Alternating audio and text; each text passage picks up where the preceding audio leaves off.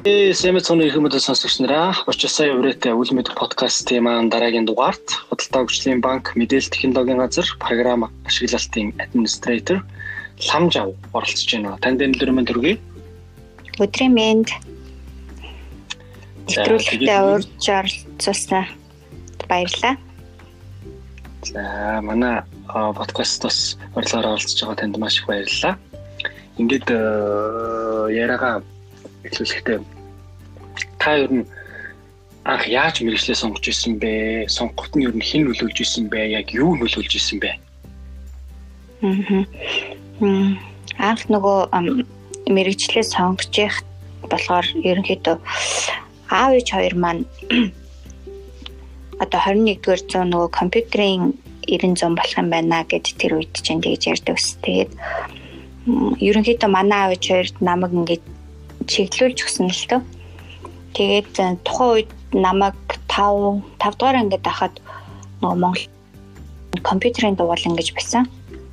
Тэгээд тэнд авчиж өгөөд англи англи хэл аа тэгээд э, юуны компьютерийн дугуулаа хоёр нарийн айл нэгэнд нь ор гэд тэгжээс тэгээд би компьютерийн компьютерийн дугуулан гэн ерөөхдөө сонгоод тэгээ нэг 2 жил компьютерийн дугууланд яваад манай бас нөгөө нэг багш болох нараа гэд нэг эмэгтэйсэн маш хөөрхөн үзэсгэлэнтэй тэгээд аюу чадварлаг тийм эмэгтэйсэн тэгээд тэр эмэгтэй шиг болохынсон гэж ерөнхийдөө хүсдэг болсон.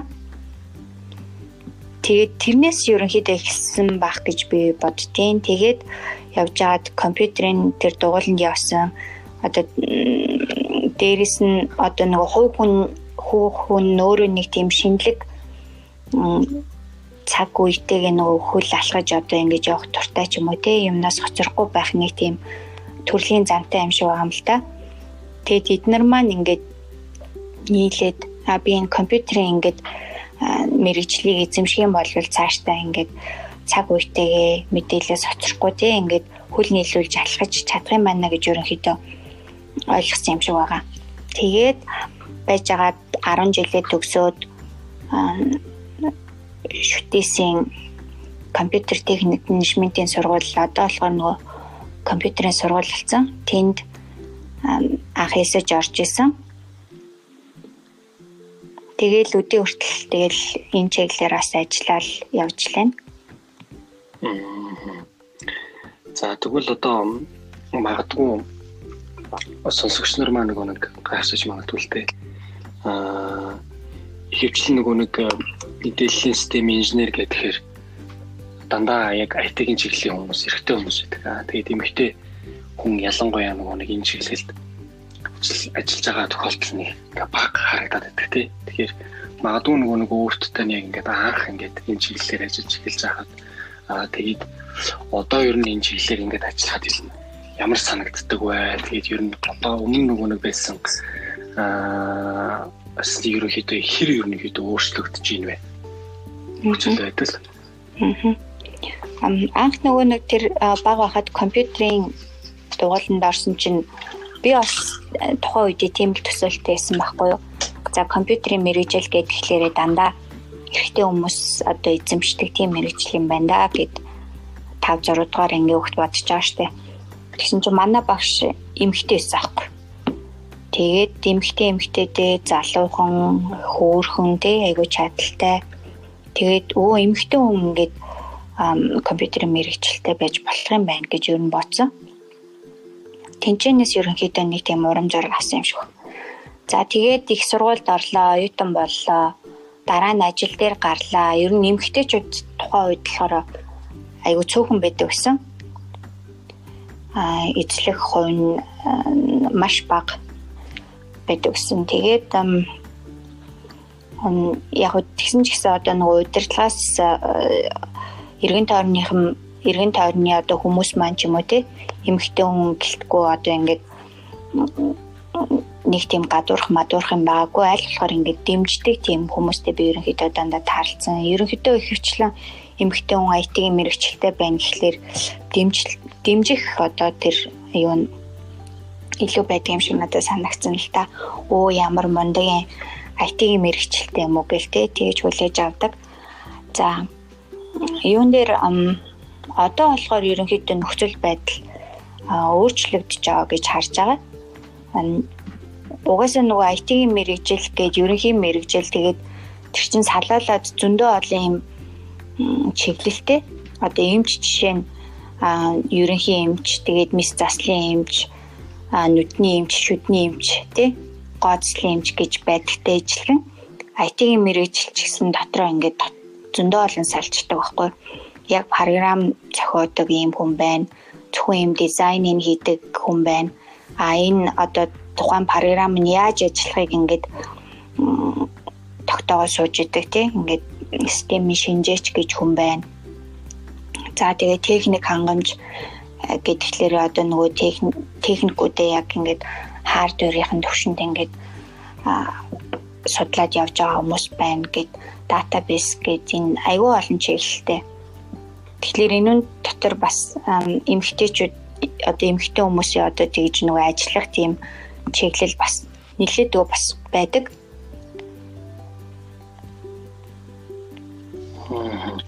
Одоо нөгөө нэг програм ашиглалтын администратор гэхээр яг юу хийдэг ажил вэ? Энэ талаараа бас жоохон дэлгэрүүлээд яриул. Аа. Манай сонсогчд маань цаашаа судалж судлаад яах юм бол maintenance гэд ерөнхийдөө одоо нөгөө нэг нэгэнтээ ашиглалтанд орцсон одоо нөгөө програм хангамжууд байгаа шүү дээ. Өөрсдийнхөө хөвчлэн зохиосон дотроо зохиосон програмууд дээр янз бүрийн нэмэлт хөгжүүлэлт хий гэдэг юм бол одоо жишээлх юм бол бүгдээрээ юу сургуулийн сурагч бүртгэдэг програм хийж ийл та тий. А тэгээд тэр маань болохоор ингээд хүүхдүүдийг ингээд бүртгэдэг. Тодорхой хэмжээний тодорхой хугацааны дараа яах вэ гэвэл нөгөө хүүхдүүд маань ингээд сургуулаа төгсөө явцсан. А тэгээд төгссөн одоо оюутнуудаа бүртгээ тий. Тэгээд тэд нартай ингээд холбоотой бас ингээд мэдээлэл өгчийё гэдэг ингээд тэрийг ингээд өргөтгөж сайжруулах юм хэрэгтэй болдог. Тэгэхээр ер нь тиймэрхүү нөгөө нэг програмаа илүү сайжруулах одоо байгаа програмаа сайжруулах эсвэл одоо нэг нэг хэсэг нь арай өөр тухайн програмыг арай өөрөөр одоо жишээ нь ашиглаж илаа гэж бодоход бас яг зэрэгцээд ашигладаг хүмүүс нь тэрийг арай өөр одоо ашиглах ч юм уу те тэр тохиолдолд нэмэлт өөрчлөлт оруул яг гэхлээрэ бидэнд тандаад тэгээ тэрийг бид нар судалж үзээд кодонд нь өөрчлөлт оруулах уу эсвэл наадлын харагдаж байгаа дизайнд нь өөрчлөлт оруулчих болох уу тий энэ болгоныг л хийдэг гэсэн үг. Тэгээ би бас нөгөө анх нөгөө IT-гаар төгсөөд банкнд орсон. Худалдаа хөгжлийн банкнд ороод 2006 оноос хойш өнөөдөр хүртэл ажиллаж байгаа. Тэгээд анх IT-д орчоод бас нэг удалгүй би нөгөө маркетинг тэгээд бизнесийн одоо тэр нэг бүтээгдэхүүн тийм хөгжүүлдэг IT технологи дээр ерөнхийдөө суурилсан тийм бүтээгдэхүүнүүдийг ингэж хөгжүүл, үйлчлэгийг хөгжүүл тэр тал руугаа ерөнхийдөө өөрийгөө хөгжүүлсэн. Тэгээд байжгаад одоо яг яаж байгаа вэ гэхэлэр эргээд яг нөгөө нэг IT-гийнхаа тэр хугацаанаас хойш бас IT гээ одоо нөгөө технологиос ихсүүлээд нэлээд юм өөрчлөгдсөн өөрчлөгдсөн а ер нь ингээд байнга ингээд шинчлэгдэж ингэж явдаг тий. Тийм болохоор тэрийг ерөнхийдөө ингээд суралц зорилготой цаашдаа ер нь IT-гаараа илүү ингээд гүнзгийрч тэр талаа илүү давмгай олгох одоо давмгайлж хөгжүүлэхээр ерөнхийдөө буцаад ингээд нөгөө IT-ийнхаа салбарт яг цэвэр одоо нөгөө код бичиж бичдэг тий. Тэр хэсэгтээ би 11 сараас хойш ажиллаад нэг удаагүй л байгаа л да. Тэгээ сурах зүйл бол маш их байгаа. А ялангуяа нөгөө нэг би нөгөө сүүлийн бараг 7 8 жил одоо нөгөө гэр бүлийнхаа амьдралд илүү анхаарал тавиад тэгээд нөгөө үр хөвгтүүд гаргаад өсгөөд ингээ явж исэн болохоор бас нэлээд хоцорсон юм шиг надад өөрт санагдаад тэгээд яг IT-ийн хэсэгтээ орох юм бол ингээд хурдан сайжрах юм шиг санагдаад энэ сонголтыг хийгээд буцахтаа тэгж орсон аахгүй. Тэгээ тэрэндээ бас байгаа айгүй зөв шийдвэр гаргаж ий гэж бодоод байгаа.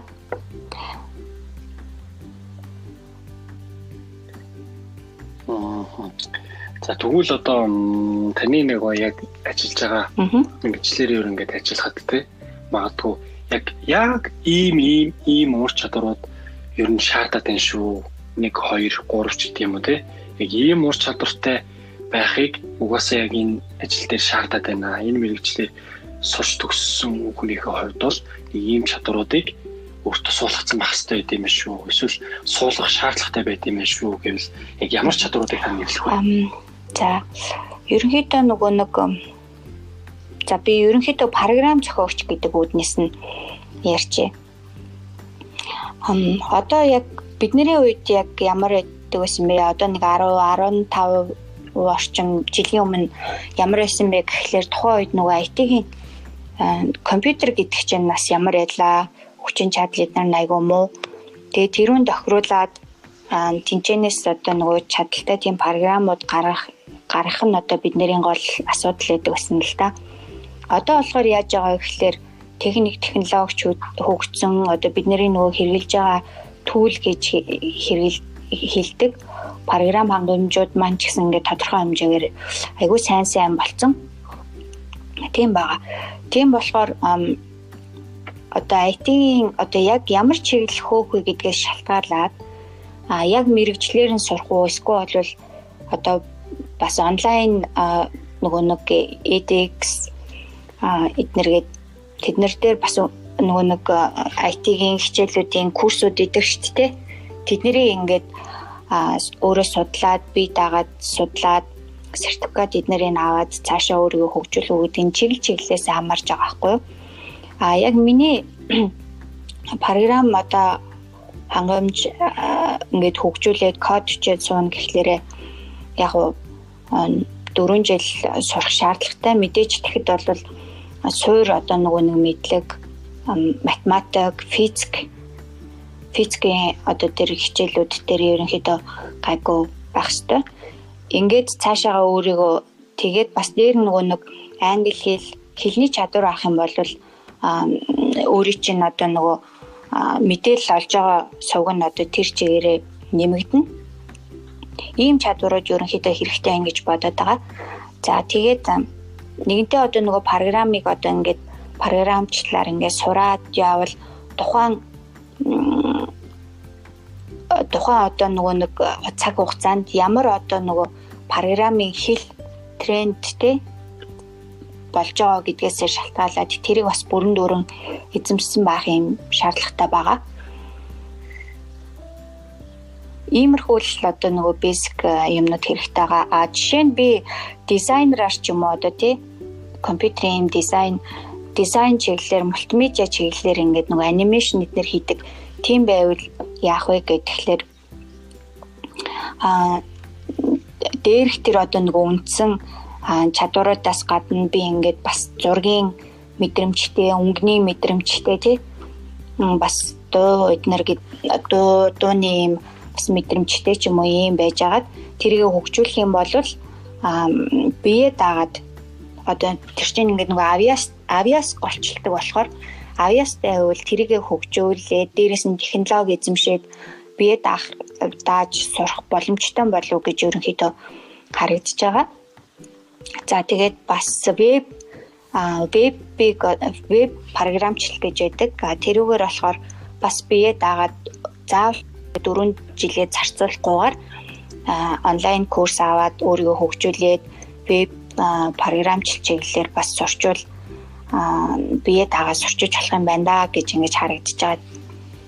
Тэгэхээр яг IT-ийн яг ямар мэрэгжил дахиад хэлэхэд нөгөө IT-ийн яг ямар чиглэлээр цаашаа өөрийгөө хөгжүүлэе гэж бодож ийн вэ гэдгээс шалтгаалаад богино хугацааны курсууд болон яг нөгөө мэрэгжлийн 4 4 жилийн сургалт авах уу гэдгээ бас тодорхойлох хэрэгтэй юм шиг санагддаг л да.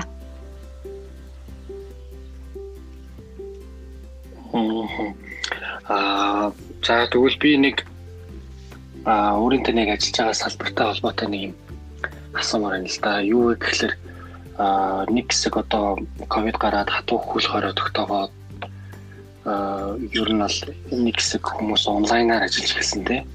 За тэгэхээр тэр үед нөгөө нэг хамгийн их ашиг орлоготой байгаа одоо компаниуд гэдэг ингэнгүүт яг нөгөө одоо кино одоо нөгөө нэг юу түрээсэлдэг вебсайт, аппликейшнууд ер нь бол нэлээд түгээмэл ашиглагддаг. Маш өндөр хэмжээнд одоо нөгөө нэг үзэлт ихтэй, түрээслэлт ихтэй болж таарлаа шүү дээ. Одоо Netflix те а бусад одоо нөгөө Монголын гаргасан Vu, Look TV, а Orange гэдэг юм уу те.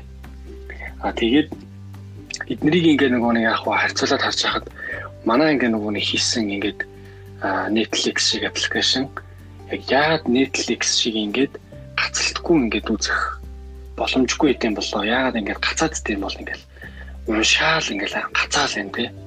Гэтэл ингээд Netflix бол ингээд хаа байсан өөр орноос сервертэй өөр орн руу үзэхэд ингээд онлайнаар үзэхэд ерөөсө гацалтгүй яваад байгаа байхгүй юу? Тэр ингээд бичлэг нь. Тэгэхээр ингээд нөгөө нэг энд яг яг юуны ялгаа байгаад ингээд идэм бол энд энийг энэ дээр ингээд нэг ажиллаж болдгоо бах та гэдэг ингээд би жишээлбэл одоо бүр ингээд Look TV а юу өдрийг бол одоо жишээлбэл нөгөө бусад аппликейшнүүд вүү өдрийг бол жишээлбэл яагаад энэ дээр ажиллаж болдгоо болоо гэдэг гайхдаг байхгүй. Тэгэхээр магадгүй одоо та яг өөрөө энтэй илүү ойрхон нөгөө салбартай илүү ойрхон байгаа хүний хувьд энэ яг юунда байдгийм бэ? Яг нэг юмнаас болоод идэм шиг байна. За манай орны хувьд бол бас нэг юм онцлог гэвэл нэг иймэрхүү онцлогоос бас болоод идэг юм шиг байгаа юм гэвэл та яг одоо өөрийнхөө зүгэстэй юу гэж тайлбарлах вэ? Тэрийг азарч их наад асуултыг чинь нөгөө саяхан нэг тийм судалж үзчихсэн л та.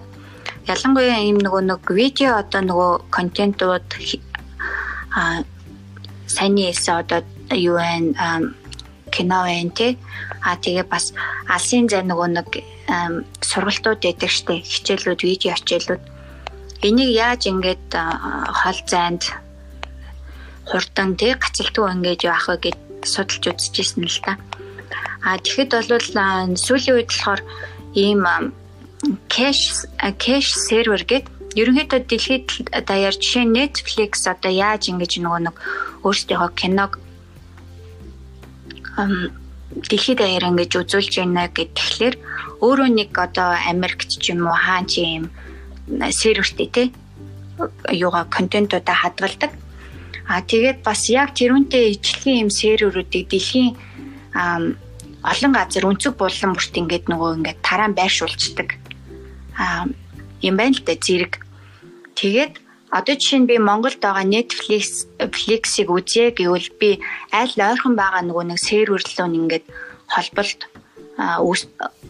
тийш нь холбогдоод тэнцэнээсээ ерөнхийдөө ингээд нөгөө юуг нь киногоо явах жишээтэй. Одоо жишээ нь хамгийн ойрхон одоо сервер нь Оросд байдаг байл л дээ тий Оросын Сибирт байрладаг бай. Тэгэнгүүт тийш би Америк руу хандахгүйгээр Сибирь лүгээ газар зүүн байрлалаар ойрхон аюу очиж байгаа байхгүй юу. Хандаад тэнцэнээсээ үзэж байгаа.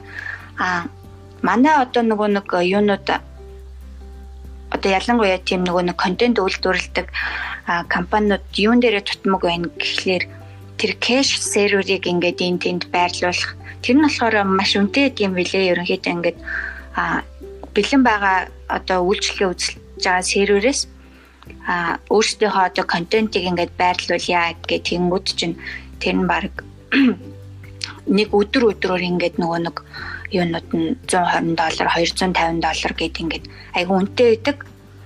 Тэгээ тийм болохоор өөрсдийнхөө л одоо энд байгаа сервер дээр бүх юмнуудаа тавьчаа тэгээ тэр тэрлүү нь одоо бүх дэлхийн хаанаас ч юм те хүмүүс хандаад байгаа болохоор тухайн одоо нөгөө серверийнх нь ачаал нэгсэн а бас сүлжээний хурд ямар байгаа илээ гэд энэс шалтгаалаад ерөнхийдөө тийм контентын удаан чанаргүй байх ерөнхийдөө зөрүү идэг юм байл л дээ. Тэгэхээр манайх яах вэ гэхлээр миний бодлоор яг ийм нөгөө контент үйлдвэрлэдэг компаниудад зориулсан юм уу эсвэл дундаа нийлээд ийм нэг тийм серверүүдтэй, кэш серверүүдтэй болох хэрэгтэй юм шиг да. Тийм нэг шинэ гарцтай Тэгээд тэрүүгээрээ дамжуулаад өөрсдийнхөө контентуудыг үзнэ. Ганц Монгол дотроо хүмүүс үзнэ гэд байхгүй юм чинь манай монголчууд чинь дэлхий одоо нөгөө тархаад те суурьж जैन өөр бас гадныхан бас орж үзэж болно гэ ботоор дэлхийн альч одоо өнцөг болон бүрээс хандах эрхтэй. Тэгээд тэр нь юу үзүүлж ивэл нөгөө контентуудаа видеонуудаа гацалтгүй чанартай үзүүлж явах хэрэгтэй болчиход байгаа байхгүй тий. Тэгэхээр гол учир нь бол тэндээ байна л гэж би харсан. Аа А миний мэдж байгаагаар тий дээр нэмээд хэлэхэд Mobicom яг тийм кэш серверийг ерөнхийдөө өөрсдөө байрлуулад нөгөө вүү вүүдээ зориулаад тийм сервер авсан гэд ерөнхийдөө сонсч байсан. Тэгэхээр удахгүй бид нар одоо нөгөө нөгөөгийн ялгааг нь бас харгал юм шиг байгаа юм л да.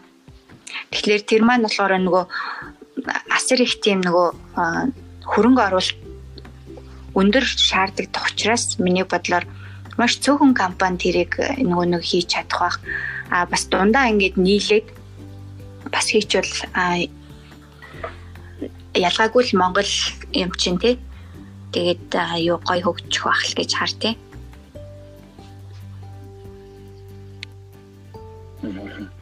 Аа бас нэг лавшруулж нөгөө нэг асуух юм гарч байгаа байхгүй юу? За одоо жишээлбэл ингэ нөө төлбөр тооцооны хувьд аа нэг асуудал байдаг нь бас яг одоо энэ саяны юунуудтай аппликейшнстай холбоотой юм явж байгаа байхгүй юу? Яагаад зүгээр ингээд уцаараа одоо дансанд нь ингээд уулан бол одоо жишээлбэл Look TV гэх юм бол Look TV-ийнхээ дансанд ч гэдэг юм уу те. А эсвэл Sky Go-гийн гот Sky Go-ийнхээ дансанд ч юм уу. Ингээд мөнгө хийцэн байгаад хахад э туристлэх гингүүд заавал ингээд веб серверээр орж иж хийнэ үгээд ингээд айгүйх ингээд юм түүхүүд даддаг ч тий. Гэтэл бусад ингээд орнуудын үг ингээд харахаар ямар ч байдлаар хийж болно гэдэг ингээд айгүй юм яавал easy байх вэ гэдэг юм хийгээд байгаа байхгүй. Гэтэл манайх яавал илүү хэцүү байх вэ гэдэг ингээ яваад байгаа юм шиг санагдаад байгаа байхгүй. Тэгэхээр магадгүй таны зүгээс энэ дээр бас юу гэж тайлбар өгч болох вэ? Тийм энэгээр дамжуулаад бас нөгөө яг нэг тийм үндсийн ч юм уу би ингээд нөгөө хэлхийг хүсдэг байхгүй. Тэгээ ялангуяа манай подкастыг илүү нөгөө мэрэгчлээ сонгох гэж байгаа. Тэгээ залуу үе маань сонгох учраас сонсох болов гэж бодоод хэлэхэд юу ерөнхийдөө ийм юм ажиглагдтiin. Би чинь бизнесийн хэсэгт нь болохоор нэг 7 8 жилийн ч юм уу ингээд ажилласан. А тэгээ юу ажиглагддаг вэ гэхээр а ер нь ингээд хүмүүс ингээд баг болж ингээд нөгөө нэг одоо жишээ нь би банкныхаа зүгээс өөр одоо нөгөө янз бүрийн байгууллагуудтай ингээд ажиллана шүү дээ тий. Тэнгүүт тухайн компани ч юм уу хувь хүн ч юм уу ингээд нэг ямиг одоо жишээ нь аппликейшн яриа л та тэнгүүд тэр аппликейшнийг ганцаараа өөрөө л хийх гээд ингээд зүтгээд байдаг. А тэгжээд л яах вэ гэхлээр тэрний дизайныг хийдэг ингээд айгүй сайн хүн байна. За кодынх нь тэр нөгөө нэг төлбөр тооцоотой холбогддог хэсгийг яг айгүй сайн хийдэг хүн байна.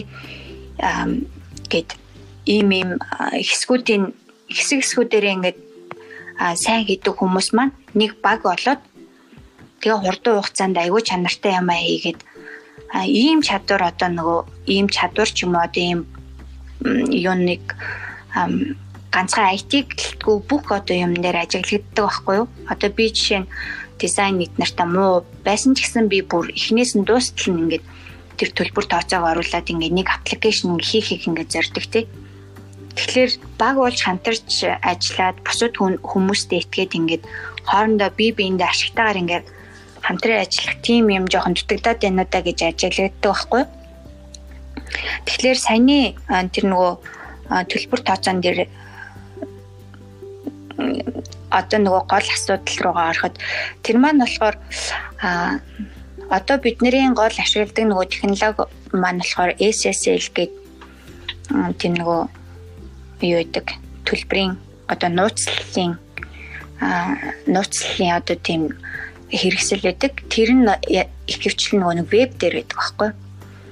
Тэгээд ер нь бол цаад одоо нөгөө нэг уршигын ужигын ч юм уу юу вэ гэхлээр одоо нөгөө төрийн банкнуудын да компаниудын нөгөө нэг төлбөр тооцооны системүүд нэм нэгдмэл биш.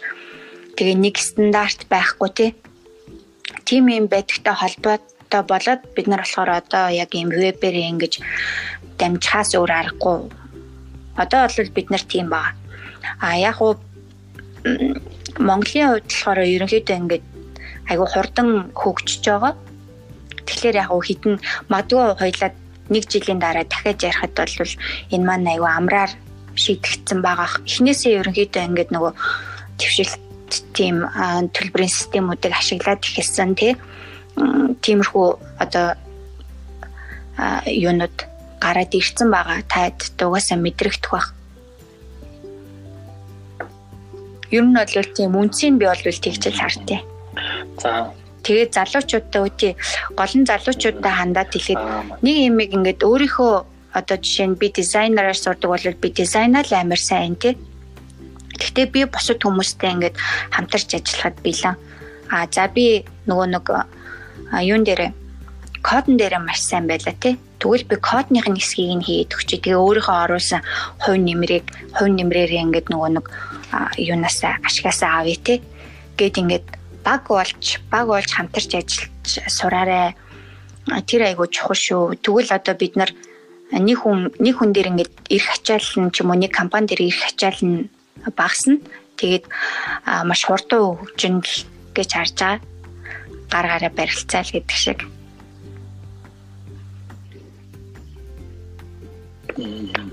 За бас нөгөө нэг яг энэ юутай ялангуяа энэ банкны аппликейшнтэй холбоотой юм асуух гэдэг юм л та. Аа за яг нэг сая ингээд ковид гээд цахим байдлаар цахимаар ажиллах гэдэг юунд аа үнэхээр ямар байгууллагууд бэлэн бэ? Ямар байгууллагууд үнэхээр бэлтгэлгүй бэлэн биш байсан бэ гэдгийг бол ингээд баг нүдний өмнө илхэн за бүр засгийн газрын хүртэл ингээд харууллаа шүү дээ. Аа тэгэхэд ерөнхийдөө маш хурдцтай шилжилт хийгээд онлайнаар цахимаар ажиллаад тэр байтугай онлайн ингээд зарим нэг үйлчилгээнүүдээ ирж нөгөө нэг заавал авдаг үйлчилгээнүүдийг цахим байдлаар шилжүүлсэн байсан тий. Тэгэхээр энэ бол маш одоо авууштай. Тэгээд давхар бас нэг зүйлийг би нөгөө нэг банкнуудыг их гайхаад байдаг юу? Одоо ингээд нэг хурууны хээ уншиж онгойдог гүйлгээ хийдэг нэг ингээд ийм руу шилжээд нь штэ. Аппликейшнууд нь. Тэгэнгүүт нөгөө нэг миний хурууны хээ одоо нөгөө нэг хэр аюулгүй вэ гэдэг дээр жишээлбэл ингээд би эргэлзэж байгаа байхгүй юу. Би одоо ер нь ингээд уулан бол хүний хурууны хийшин дахин тавтагдчихгүй шүү дээ. Гэтэл ингээд хурууны хийгээ аа дараад тэгээ ингээд банкнд ингээд бүртгүүлээд тах нь хэр ер нь зөв бэ? Хэр найдвартай болоо? Аа энэ энэ ер нь эрсдэл байгаа болоо үгүй юу гэдэг ингээд жишээлбэл айдаг байхгүй. Тэгэхээр энэ өнцгөөсөө жишээлбэл яг мэдээллийн аюулгүй байдал талаас энэ хэр ер нь найдвартай байдаг вэ?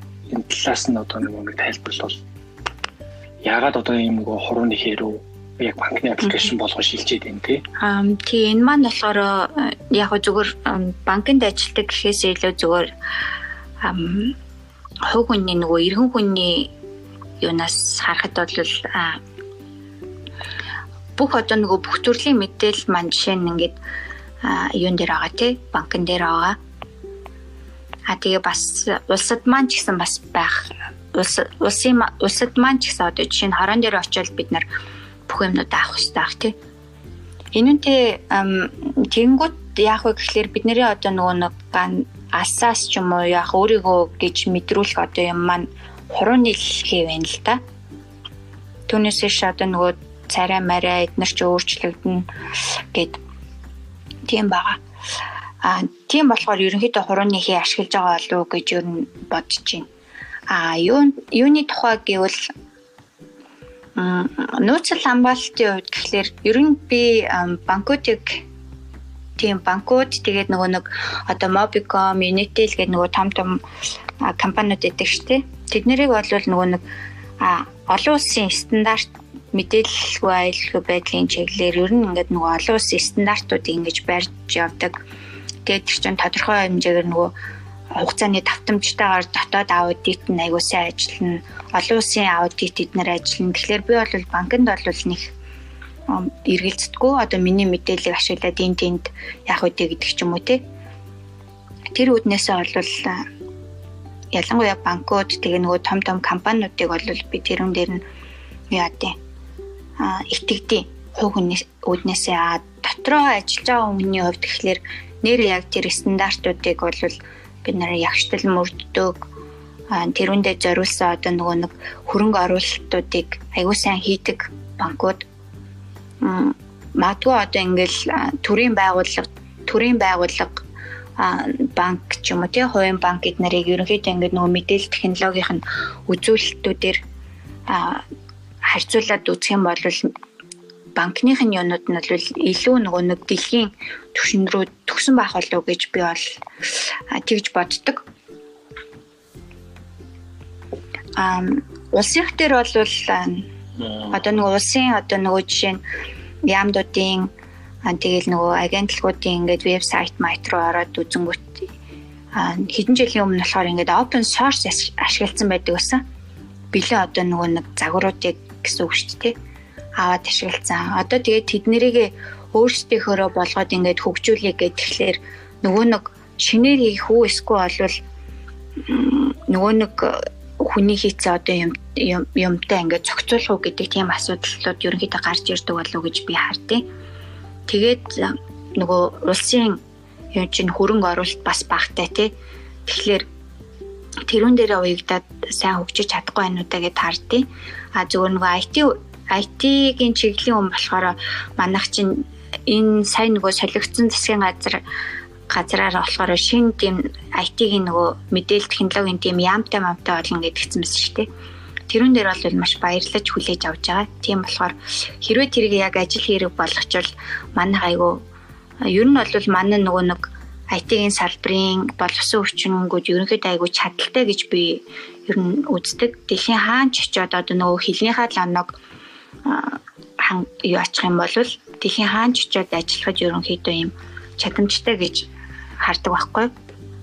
Тэгэхээр яг тийм яамтай болоод тэгээд хөрөнгө оруулалт эднэрээ зөрөгтэй шийдчих юм бол манайх цөөхөн хамттай учраас маш хурдан хугацаанд хөгжих байх гэж хардیں۔ тэрүүн дээр. Аа харин тийм нэг өнөөдөр яг айгүй нүдэ болсон нэг нэг уулзалт юу болсон л л тэ. Тэгээд тэрийг би бас үзсэн. Тэгээд ямар санда маш хурдан нэг нэг шок юмнууд их гарч илээ тэ. Ялангуяа тэр нэг нэг Хисэс гэдэг нэг нэг Хисинкийн өмсгөн байгуулагч Эндэршгийн хэлсэн үгийг ямар санда тавьчихсан шүү дээ. Шок зургаар ахын нэг нэг юу үгийгээд тендер нөгөө нэг аваад өгье гэсэн чинь үгүй наа тендер мендер чинь биднэрт ерөөсөө хэрэггүй гэдэг. Тэгчээ. Зураг аваа юунч хурдан гардгийн тэр зургийг нэдчихээл. Тэгээд За тэгээд ямар ч тач энэ талаар бас нөгөө нэг асууя гэж бодож ирсэн яваа. За тэгэхээр залуучууд маань сонсож байгаа бол за бид нар ер нь нэг энэ чиглэлийн нөгөө нэг хэрэг чиглэлээр сурах гэж байгаа, ажиллах гэж байгаа залуучууд ах юм бол ер нь энийг хүс ингээд мэдээд авахд илүүтэхгүй юм шүү. За тэгээд мөн одоо миний нөгөө түрүүний асуусан асуултанд асуултыг тээж өгсөн сонсогч нар маань магадгүй хариултаас олсон байх гэж найдаж байна. За тэгээд мэрэгчлэрийн ер нь ингээд ажиллаж байхад тулгардаг байсан түгээмэл бэрхшээл яг юу байсан бэ? Тэгээд энэ бэрхшээлүүдээс та юу сүрсэн бэ? За бидний намайг нөгөө нэг одоо оюутан болж ч юм уу 10 жилийн одоо яг нөгөө компьютерийн дугууланд явж одоо яваад ясны дараа ч юм уу надад тийм гэрт тийм компьютер ерөөсөй байж байгаа байгаагүй л те одоо нөгөө яг оюутан бол оюутан болоод баг 3 3 дугаар курс толжиж өөрийн компьютертэй олж исэн шиг санагдчихэв. Тэгээд тэр хугацаанд ерөөсө компьютертэй байгаагүй. Аав ээж маань боломжч бас тийм лээсэн юм шиг байна л да. Тэгээд ах ихч энэ тэнд ажиллана. Тэгэнгүүт нөгөө нэг компьютер дээр нь ажлын цагийн дараа ч юм уу те очиж даалгавраа хийн. Тэгээд тэр үед болохоор юу сурсан бэ гэхлээр А хэрвээ би магадгүй нөгөө нэг гэрте компьютертэй ч юм уу хэрвээ байсан бол нэг даалгаврыг амар удаан хийх байсан баха тий сууж усаал сууж усаал гарч ороод а тэгэхэд бол надад олдж байгаа нэг тийм цөөхөн хитэн цагийг амар үр бүтээлтэй тий бүгд одоо нөгөө тухайн 7 хоногийнхоо ч юм уу даалгавруудыг ингээд бүгднгийн хийж одоо дуусгахын төлөө юм яадаг гэсэн суугаад богино хугацаанд айгүй үр бүтээлтэй ч юм уу тийм юу гаргаж чаддаг болсон юм шиг байгаа. Яг нэг тийм байхгүй үе маань. За хоёрдугаарт нь болохоор яг ингээд нөгөө нэг амар сурж байгаа тэр чинь бас 4 жил чинь бас эхнээс нь ахуулаад ингээд бүхэл бүтэн ингээд бид нар чинь дипломоо ингээд нөгөө програм бичиж одоо хамгаалдаг тэр болтол ингээл өөрийгөө ингээл хөгжүүлэл хөгжүүлэл айгүйх юм сураал яваад байна гэл бодоол. Тэгэл ажил дээр гарсан чинь бүр наад захын юм минь мэдхгүй. Тэгээд их чинь бүх одоо компьютерд нь сүлжээнд ингээ холбогдсон ремоутээр ингээд нөгөө өөр хүний компьютер дээр ороод принтерийн тохиргоог нь хийх мэх ч юм уу тий. Ийм ийм ажлууд тэрийг нь бас нэг мэдтгүү лээж тэгэл ер нь айгүйх юм сурсан ажил дээр гараад бол хамгийн гол одоо тэр ажил орсон эхний жилүүд ч юм уу тий. За хурдан юм юм сурдаг хүнд бол эхний хитэн сарууд бол яг тийм гол тэгж нэг суралцах тийм байдаг. Тэгэхээр энэгээр юу хэлэх гээд байна гэхээр бидний ингээд сурж байгаа юмнууд маань амьдрал дээр гараад бас шал өөр байх тийм байдаг. Тэгэл дахиж суралцах тийм болдог. А дахиад би одоо ингээд нөгөө хүүхд гаргаад буцаал ингээд ажилдаа орохоор юмнуудаас ингээд хоцорсон байдаг тодорхой хэмжээгээр. Тэгэл ингээд суралцах үйл суралцах юмнууд айгүйх болдог. Тэгээ ер нь IT-ийн мэрэгжил эзэмшсэн хүн бол ингээд алхам тутамдаа суралцчих шаардлагатай. Шинэ техник технологиудыг эзэмшчих шаардлагатай. Яг нөгөө цаад бүр цаад одоо агуулга нь ойролцоо болохоор хүлээж авах юу нь бол л байдаг л та. Түүнээс биш ингээд юу суралцгаа ерөөсөө хизээч зогсоож болохгүй юм шиг л тэгж санагддаг надаа.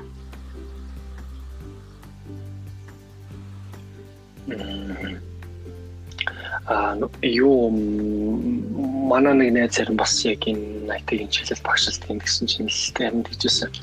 а ерөөсөө одоо бүр энэ компьютерийн хэл бол ерөөсөө замбраагаа алтлаа. Одоо ерөөсөө баг хойноос нь сурч гүйцэх ерөөсөө өдөр болгон сурж авахгүй бол нөгөө нэг өдөрт нэг хэл гараад байгаа мó гэдээ баг тэгж байгаа байхгүй. Тэгэхээр би ээ гэд нөгөө би ч өөрөө бас яг тэр чиглэлийн юм баг зэрэг нэг юм сонирхол байгаад ддэг болохоор яг тэрний өкс үг энэ өкс үг ингээл ингээд найзтайгаа бас хаяа ярьдаг.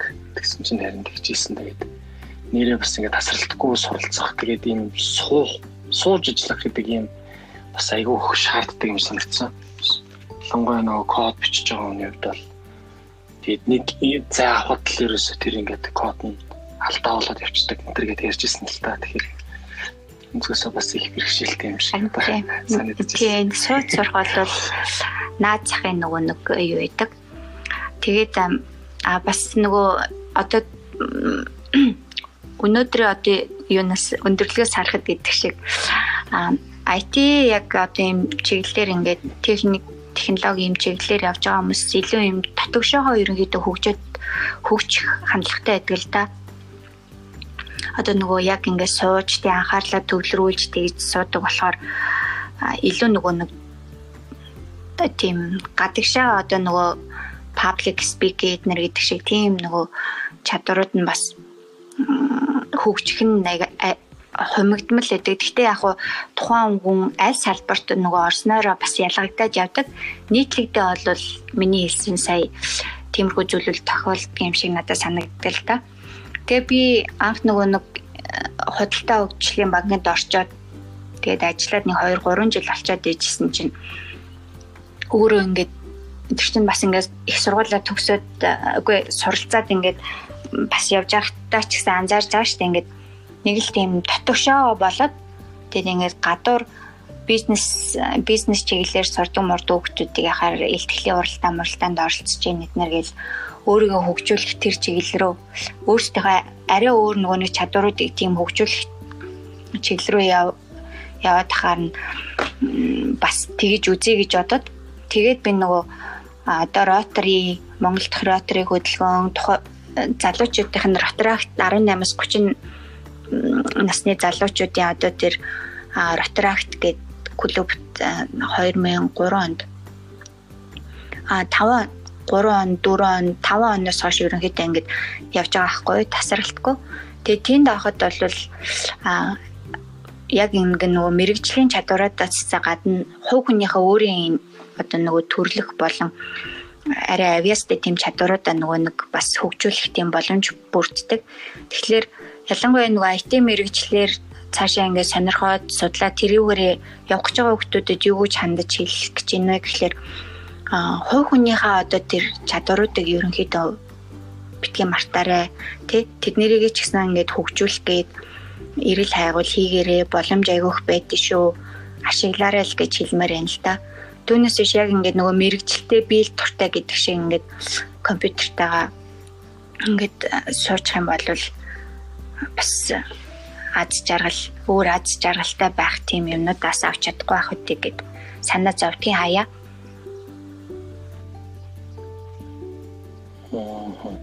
За тэгвэл одоо мэрэгчлэрээ ажиллаж байх үеийн хэрэгжүүлсэн амжилттай сайн туршлага эсвэл амжилт гэвэл та юуг дурдж аа сонирхол бай.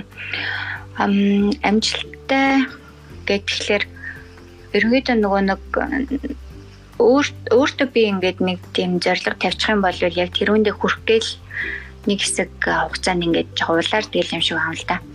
Тэгээд гаргасан юу гэхэлэр за яг нэг жишээ нь нөгөө одоо нэг Mostmoney гэдэг аппликейшн байдаг шүү дээ. Гаггүй хүмүүс ашигладаг. Тэгээд тэрний анх нөгөө нэг яг ингээд манай банкн дээр нэвтрүүлжсэн. Тэгээд тэрний яг ажлын хэсэгт нь ороод ажиллаж байсан. Яг нөгөө IT талаас нь судалгааг нь хийгээд хүмүүст илүү яаж хөрөх үгээд тэгээд бас нөгөө нэг яг маркетингийн сошиал маркетинг нэрээр ажил бас анхны минь нөгөө нэг туршлага олж исэн болохоор тэр айгу санаанд тод идэгий. Тэгээ нөгөө тухайн үед чинь гар утсан дээр нөгөө гарч ирж исэн ер нь л эхний аппликейшнгуудын нэг Тэгээд тэрийг хүмүүс яаж яг хөө дотооддоо жишээ нөгөө ажилчтай эхлээ зааж өгөн тий. Дараа нь янз бүрийн өдөрлөг болоод тэрүүн дээр бас хүмүүстэй зааж өгнө гэл. Тэр айгүй сонирхолтой байсан. Ер нь гэхдээ нөгөө банкнд ингээл одоо байхаар нөгөө нэг шин техник технологи дээр суурилсан тухайн үед одоо тренд болж байгаа эсвэл болох гэж байгаа тийм зүйлүүдийг яг ингээ гой судлаад ажил хэрэг болгоод яг ингээд хэрэгжүүлээд хүмүүс хэрэгжилж байгааг харахаар айгүй гоё идэг. Тэгэхээр одоо нэг яг миний хийж байгаа ажилтай уялдуулаад ч гэсэн одоо нэг цаад одоо нөгөө хэрэглэгч маань ингээ шаардлагуудаа тавьчихсан байдаг. Ингиж ингэж өөрчлөлмөр байна. Эсвэл ийм нэмэлт юм хийлгэмээр байна. Модуль эднэр яамаар энэ гэхээр нь яг тэрний дагуу хөгжүүлээд А тэгээ тэрийг нь хүмүүс маань яг ашиглаад ажилт нь хэрэг болоод ингээд тэрийг харах айгуу гоё байдаг.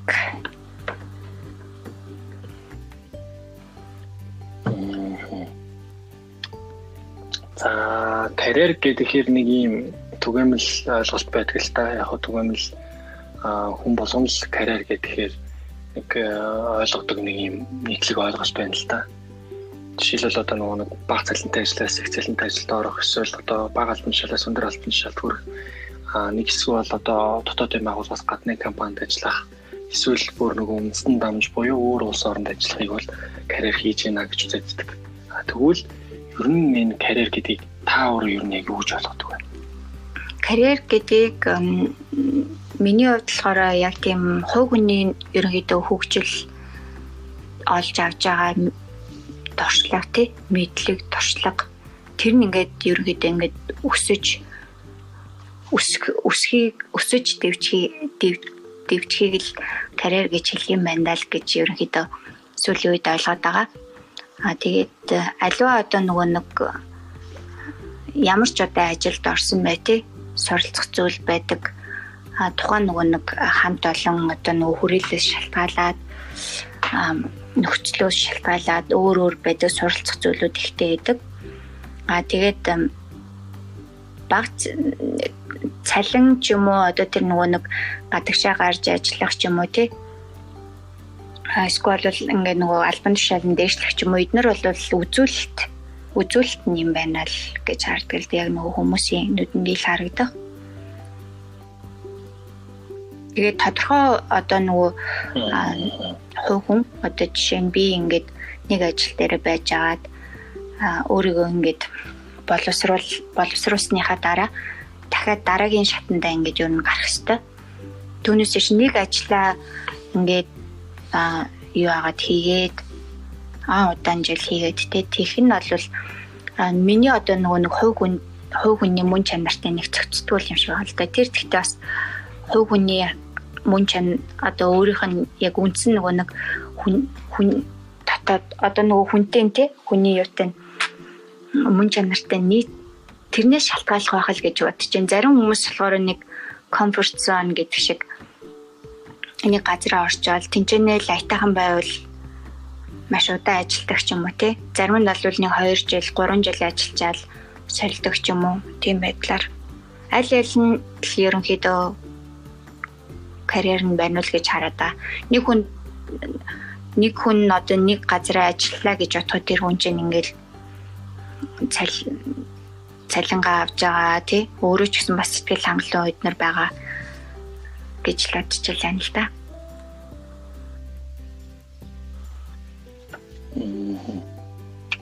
За тэгвэл та ер нь карьерээ ер нь төлөвлөдөг үү? Хэрвээ төлөвлөдөг бол хэдэн жилээр Минийх нэг 5 5 жилийн зайтай л юм шиг байна л да. Ам яг одоо нөгөө эргээд эргээд ингээд харангуут а яг нэг тийм тодорхой хугацаанд 3-аас 5 жилийн хугацаанд би ингээд позишноо солиод тий чиглэлээ солиод солиод ингээд өөрийгөө ингээд туршаад үзээ явсан байгаа. А энэс цааш би одоо яах вэ гэхлээр одоо би ингээд одооний тренд болж байгаа хэл юу вэ? Технологи юу вэ? Энийг би эзэмшиж аавна гэж байгаа ойрын хугацаанд. Тэгээд цаашаа вэ гэвэл IT-ийн нөгөө нэг чиглэлээр явхад ямар одоо би чинь нэг тийм сургуулаа төгсөөд нэг тийм залуухан биш гэж өөрийгөө бодоод байгаа. Тэгээд цаашаа хэрвээ би ингээд хөгшин одоо нөгөө хөгшрөөд тэгээд эмгхтэй хүн болохоор ямар чиглэлээр явал би яг энэ салбартаа ингээд удаа явах уу дээрэс нь ингээд цалин сайтай тий үнэлэм одоо үнэлэмжтэй ч юм уу тэгэж явах вэ гэд бас ингээ харж байгаа хит хитэн чиглэл байгаа тэгээд тэрэн дотроос би IT аудитор ерөнхийдөө тэр чиглэл рүү өөрийгөө хөгжүүлнэ гэж бодож байгаа. IT аудитор болохын тулд би одоо нөгөө код код бичгийн нур чадвараа хөгжүүлээд тэгээд онлайнаар сургалтуудад хамрагдана, сертификат авна, шалгалтаа өгнө, тэгжиж IT аудитор болно. Тийм тэгэхээр ойрын маань зорилго бол IT аудитор болох гэсэн тийм зорилго тавьчиад байж байгаа. За магадгүй нөгөө нэг одоо та бол ингээд карьераа за нэг ингэж ер нь бол 5 5 жилийн зайтай 3-5 жилээр ер нь төлөвлөсөн байна. Ер нь төлөвлөж төлөвлөдөг гэдэг чинь тэ. Тэгвэл магадгүй одоо нөгөө сонсогч нарт маань сонсогч нарын маань хувьд аа нэг сонирхож байгаа зүйл нь юу гэхээр ийм байж магадгүй гэж бодож байна. Одоо карьерээ яг би яаж төлөвлөх юм бэ те? Одоо жишээл мэдхгүй залуучууд ээж болно шүү дээ. Магадгүй одоо нөгөө дөнгөж сурах гэж байгаа 10 жилийн залуучууд жишээлбэл карьераа огт төлөвлөөгүй зүгээр мэрэгчлээ яах вэ гэж төлөвлөөд явж иж магадгүй. Эсвэл дөнгөж одоо нөгөө нэг их сургуульд ороод яг энэ чиглэлээр сураад явж байхдаа карьер биш одоо нөгөө нэг төгсөх нь чухал учраас төгсөөд одоо энийг яаж амжилттай төгсөх үлгээ бодож байгаа шүү дээ. Тэгэхээр ер нь карьераа төлөвлөхдөө яг ямар нэгэн юм одоо арга барил ашигладаг эсвэл ер нь нэг юм иймэрхүү юм бас нөгөө нэг уншаад үзчихвэл зүгээр идэгэн шүү. Энийг ингээ харчвал зүгээр идэж шүү Тэгвэл одоо жишээлбэл карьераа ингэж төлөвлөхөд энэ иймэрхүү нөгөө мэдээллүүд бас өөрт чинь хэрэг болдог шүү. Аа тэгээд энийг яг хизээ ер нь карьераа төлөвлөх нь илүү тохиромжтой юм шиг өөрөө чинь бас санагдсан бэ. Энэ зүйлсээ та суулцсан. эхлээд ер нь бол нөгөө нэг юуны дөрөнд мэрэгчлээ одоо нөгөө эзэмших гэж байгаа дүү нартай хандаж хэлгээд болохоор а тухайн одоо нөгөө мэрэгжлийн талаар яг юу юу хийдгийг те тэр чиглэлээр бас тодорхой хэмжээнд одоо нөгөө хамаатай ах дүүс найз нөхөд аав ээж тий тэднэрээрээ дамжуулаад чадвал өөрөө чадахгүй бол тэднэрээрээ дамжуулаад ерөнхийдөө тэр сонирхож байгаа мэрэгчлүүдийнхаа талаар ойлголттой болж авах нь ер нь зүйтэй юм шиг санагдтал да. Тэгээд бид нар Ротарактад байхдаа бизнес төр гэж ерөнхийдөө ингээд зохион байгуулад нийт нөгөө Ротарактад байгаа хүмүүстээр ингээд баг бүрдүүлээд энэ тент одоо нөгөө ажлын газрууд дээр очиод тухайн нөгөө газруудтай ярилцаад нөгөө зөвшөөрөл авсны үндснээр тэгээд юу яадаг л та зочлоод яг тухайн одоо иргэний нисхийн ерөнхий газар те нислэгийн удирдагч гэж одоо хүн жишээ нь юу хийдیں яа дээд ингээл тийм боломж явуул одоо нөгөө нэг тэр тийм бийчилж очиод болцоогүй болвол ахыг чамаатан садангаасаа ерөнхийдөө ингээд нөгөө сонсоод те тэгээ өөртөө бас одоо чинь YouTube интернет хөгжсөн юм чинь бас тэрнээс мэдээлэл олж аваад ингээд тухайн сонирхож байгаа мэрэгжлийнхаа талаар айгуух судлах хэрэгтэй л юм шиг санагддаг. Тэгээд тэнцэнээсээ за ер нь ингээд энэ миний зан характерт ингээд тохирох ийм юм мэрэгчлүүд байна да гэд бас тийм одооний сүүл сүүлийн үед чинь нөгөө нэг тухайн ингээд хүүхдийг төгсгөхт нь онлайн тийм нөгөө нэг юунууд өгдөг тестүүд бас авдаг газрууд ч гэсэн Монголд өгдөг болсон мөлий. Тухайн нөгөө нэг хүүхдийн зан чанарын нэг үнэлээд Тэгээ ямар ингээд нөгөө мэрэгжил тохирох вэ гэдгийг гаргаад ирдэг тийм юунууд тийм байлээ л дээ. Аргачлал. Тэгэхээр тэрүүнээс эхлээд юу нөөрийгөө яг миний зан чанар одоо чадвар маань аль чиглэл рүү явбал дээр вэ гэдгийг тодорхойлоо. Тэгээд нөгөө талаар өөрөө бас юм мэрэгчлүүдийг ингээд судалж үзээд яг юу гэдгийг яа гэдэг гээд судалж үзээ. Тэгээд эхний ээлжинд юугаа сонголтоо хийсэн зүгээр болов. Тэгээд жишээлбэл одоо нөгөө IT-ийн мэрэгчлэр сурлаа гэж бодоход а нэг сургуульд ороод юу яа тэрүүн дээр чинь болохоор ингээд нөгөө яг бүр ингээд нөгөө нарийн одоо чиглэл чиглэлээрийн талаар яахгүй ерөнхийдөө нөгөө суур мэдлэгийг чинь нөгдөг болохоор тухайн үедээ бас зэрэгцүүлээд ингээд нөгөө том баг хэмжээ нөгөө том баг ийм нөгөө компаниудад орж нөгөө дадлага хийдэг шүү дээ дадлага хийх боломжийг бас бити алдаарай гэж захимаар байна. 1 2 3 4 дугаар курсуудтэй тий ямар ер нь бол нөгөө нэг газрууд чинь дадлагжигч тийм оюутан авдаг шүү дээ.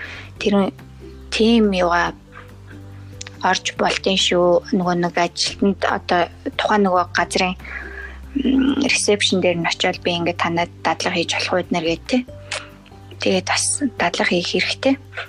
Тэгж байгаа л ер нь сургууль төгснөхийн дараа за тэгээ би ингээ программист боллоо. За би тэгвэл банкнд орох уу, эсвэл бол одоо төрийн байгууллагад орох уу тий. Тэр чиглэлээ сонгоод тэгэл яг би цаашаа яаж явах уу гэдэг тэр юу нэхэлтэй юм шиг байна л да. Өөрөө ажиллаж үзээд, хийж үзээд яг төсөөлжсэн одоо хүсэжсэн үр дүн ч мөн байна уу, биш байна уу тий.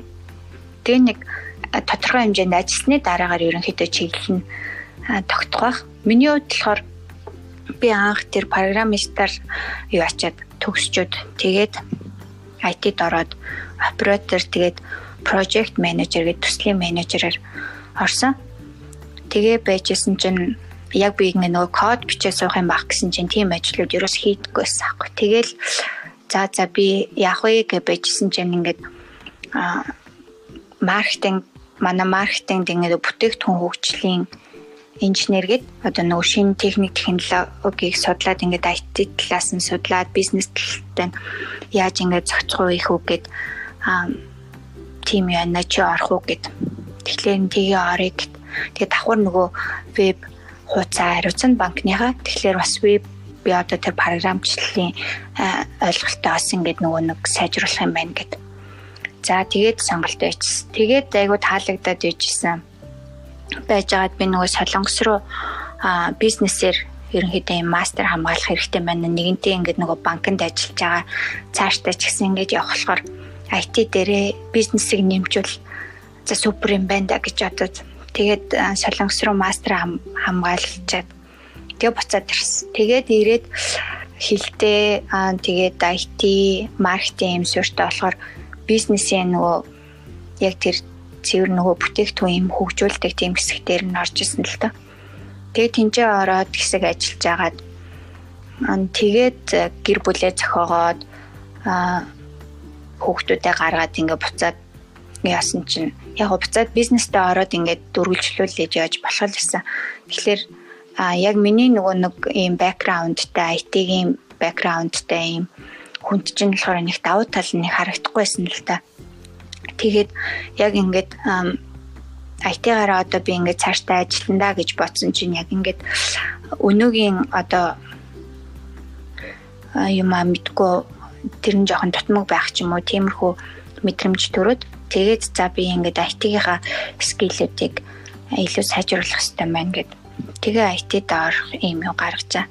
Тэгэхээр минийх ингээд эргээд бодохоор нэг тийм нэг 5 5 жилийн зайтаар за би ингээд тгий гэд тухайн үеийнхээ нөхцөл байдал шалтгаалж байгаа. Дээрэс нь болохоор би тийм нөгөө янз бүрийн ирээдүйд те ямар мэрэгжил ойрын хугацаанд юм нөгөө хэрэг болох вэ яах вэ гэдэг бас тэр судалгаа артиклуудыг аягүй уншдаг байсан. Тэгээд бас ингээд нөгөө яг банкны өөр бас салбарт ажиллаж байгаа найз нөхдүүдтэйгээ уулзаж бас мэдээлэл солилцдог байсан. Ямар хүн байна, тэх юм шиг байна гэд. Тэгэхээр байнга харилцаа холбоотой байгаа л тэгэл мэдээлэл солилцоо. Тэгээд тэнцэнээс өөрийнхөө дүнэлтээ гараа за би ийшээ ингэж явуул хөгжүүл илүү дээр юм байна да гэд. Тэгж бодсон. Миний хувьд бол тэгж гаргадаг. Тэгээ дүүнер маань болохоор тэгээ бас судалгаатай бас өөрийгөө мэдж байгаа юм чинь тэгээсэл гэж зөвлөе та одоо.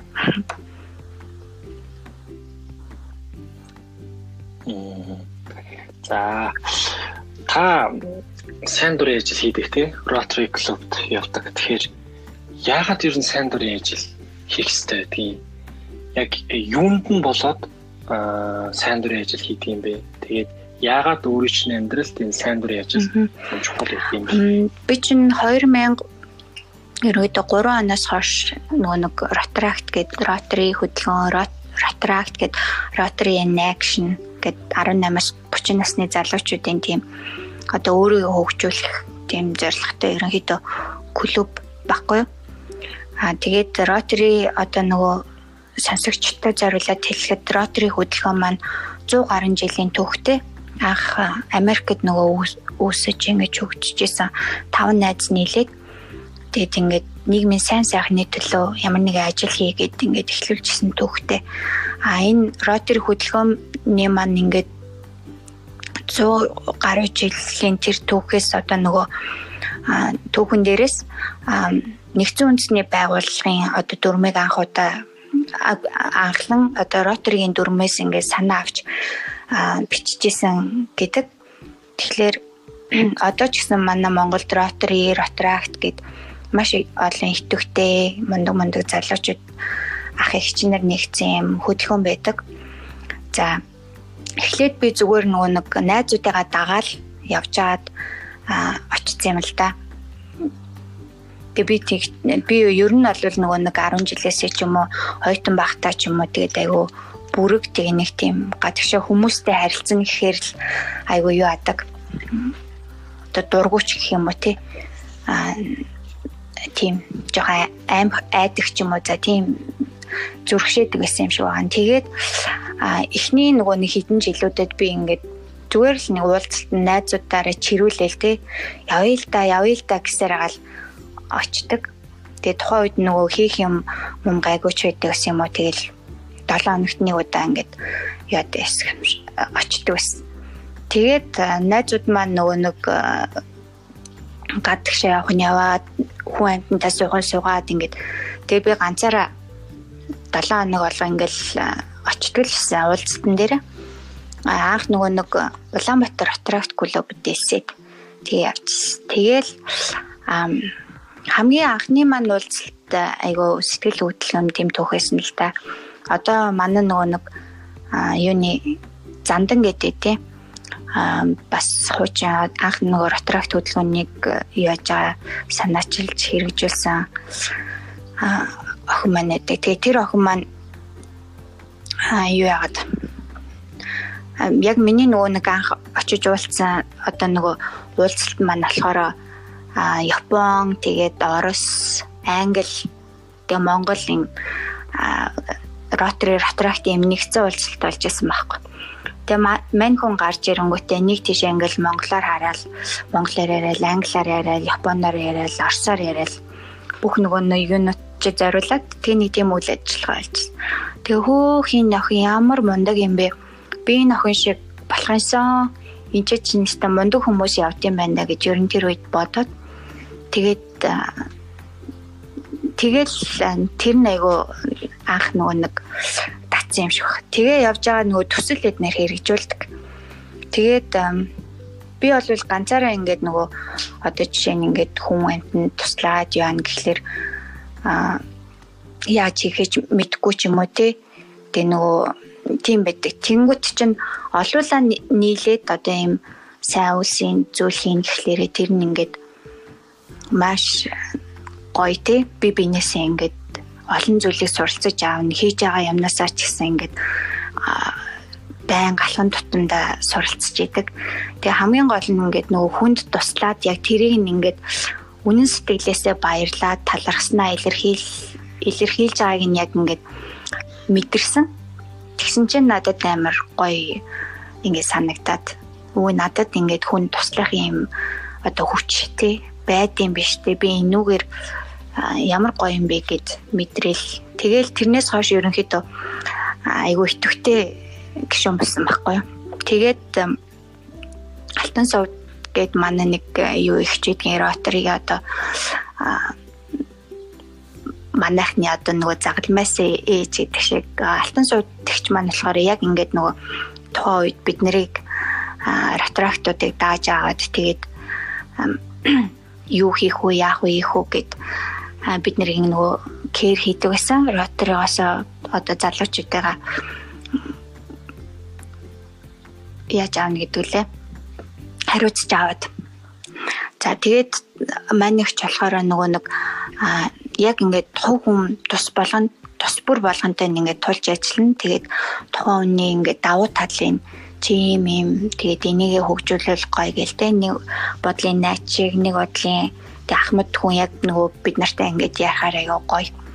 Тэгэл тухайн он жилүүд айгу гоё бид нар айгу их юм хийдэг ч байсан. Тэгэл анх удаа нөгөө нэг 2011 12 онд Райла Монголиа гээд Rotary Youth Leadership Award гээд одоо нөгөө дэлхийн хэмжээний тийм арга хэмжээ.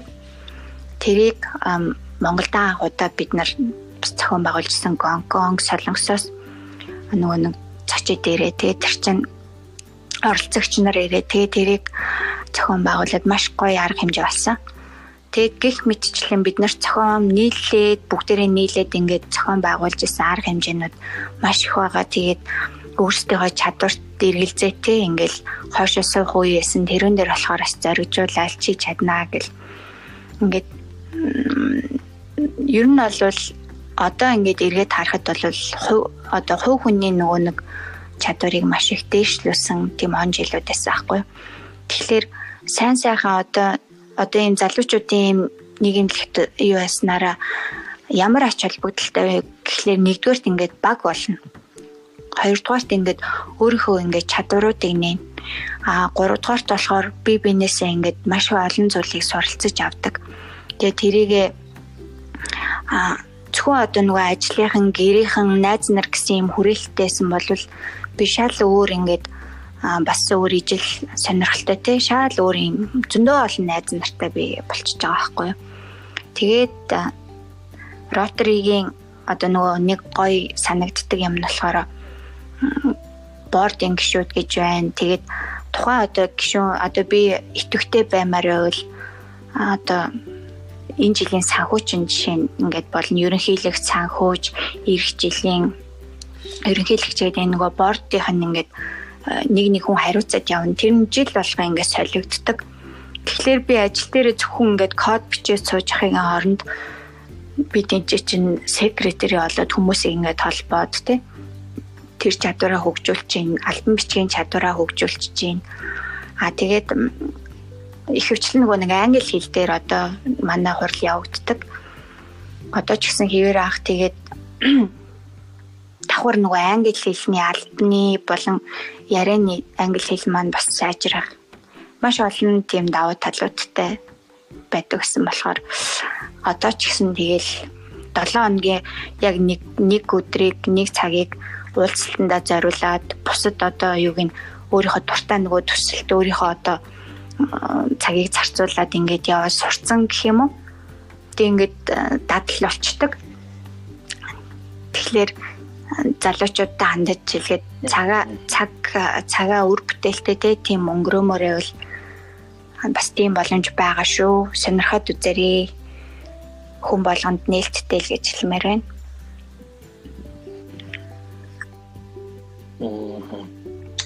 За одоо ер нь бол яг нэг сүүлийн л асуулт явах гэж байна л да. Тэгэхээр сүүлийн асуулт маань юу байдаг вэ гэхээр мартагдсан Монгол үг гэдэг бид нар нөгөө нэг хуучны мартагдсан гэхээс илүүтэйгээр яг бид нар өөрсдөө хэрэглэхий болоод иж бас магадгүй л гэж би боддгийн аа өвөө эмэг их үед одоо жишээлбэл эсвэл аав ээж их үед зэмлэгтэй хүртэл аав ээж маань өвөө эмээ маань бид нарыг нэг юм ухаарлын үгээр зэмлдэг гэсэн тий. Тэгэхээр магадгүй нөгөө нэг өөрийн тань хувьд эмээ өвөөс ч тийм ээж аваас ч гэх юм уу сэтгэлд нь тод үлдсэн тийм хоор нандин үг байвал хаваалцаач гэж тэрний үг нь ямар утгатай байсан бэ? Манай би чинь эмээ өвөө дээр өссөн. Тэгээд ерөнхийдөө тийм нөгөө нутаг усандаа хөндлөгдсөн тийм ахмадууд байсан л та. Аа тэгээд багаас маань ерөнхийдөө л нөгөө нэг юм айгу ухаарлын ер нь нэг тийм загинж одоо зандарч байхаас илүү дандаа юм ухаарлын өгнүүд хэлнэ. Дээрээс нь ингээд үлгэр тий үлгэр домог эсвэл яг нөгөө хүндээ хүнд тохиолдож исэн юм бодит явдлуудаас ерөнхийдөө ярьж өгч тэгээ сургаал одоо харилдаг байсан байгаа юм л та. Тэгээд нэг мартагддгүй юм гэхлээр яг уу тийм одоо хүн а нэг хүнтэй одоо хоёулаа уулзлаа гэхэд анх яаж уулзсан те? Яг тэрүүгээрээ л ерөнхийдөө ингээд байгаарэ. Зангаа хуургаж тэгж янз бүр битээ болж байгаарэ. Анх хүнтэй ингээд сайхан энийгээл уулзаж тэг сайхан сэтгэлээр уулзсан болвол тэр хүн одоо нөгөө нэг цаад хүн маань урууцсан ч доройтсан ч ерөнхийдөө тэр хүндээ юм сайхан сэтгэлээр хандаал эхний яг ийм уулзсан шиг л байгаарэ гэж ер нь тэгж цагтдаг байсан байхгүй. Тэгээд тийм байхаас ингэж ч гэсэн одоо би бас хичээдэг. А манай ээж ээж бас тийм тэрийг одоо мөрддөг мөрддөг ч гэдэг юм уу бас бид нарт айгүйх хилдэг манай хүүхдүүд ч гэсэн айгүй хилдэг нэг л зангаараа байгаарэ янз бүрийн тийм олон цантай битээ байгаарэ гэж ерөнхийдөө бид нарт одоо сургатیں۔ Тэгээ тэр л чамаг сайн хэлсэн чинь яг санаанд орчлоо өөр остондоо гоё хүнүүд байгаа л да. Гэтэ сая тод орж ирсэн сайных байла. За. Ингээд өнөөдөр э, цаг цаваа гаргаж дугаарт маань оролцсон танд маш их баярлалаа. Өнөөдрийн дугаарт маань Хөдөлთა хөгжлийн банк, мэдээлэл технологийн газар, програм ашиглалтын администратор ламжаа оролцлоо. Тэгээд таны ажилд өндрөөс өндөр амжилтыг хүсье. Мөн сонсогч нартай хандаж хэлэхэд хэрвээ таалагдсан бол subscribe дараад лайк дараад босод хүмүүст шеэр хийж түгээж туслаарай гэж хүсье. За баярлалаа. А подкастнда урьж оролцсоосонд а тэгээд одоогийн миний одоо нөгөө хоримтлоос одоо нөгөө туршлага эднэр гэдэг маань болохоор бас хүн болгон чадгал ах л та. Аа тэгээд одооны залуучууд маань илүү одоо нөгөө боломж болцоо байгаа болохоор ирээдүйдээ бүр мундаг хүмүүс болоосай юу хүсэж байгаа тий хаашаа явах гэж байгаа зорилго эднэрээ уул нэгтгэм одоо ингээд тодорхойлоод юу ачвал мэдчихвэл тэгээд зам нь дардан байх хаа гэж бодож байна. А тэгээгүй ч гэсэн яг тэ ер нь алхам тутамдаа л бас хичээгээл тэрийг бодоол явж явал нэг өдөр олох байхаа бити шантраарай гэж хэлмээр байна. За тэгээд бүгдэнд баярлалаа гэж хэлье да.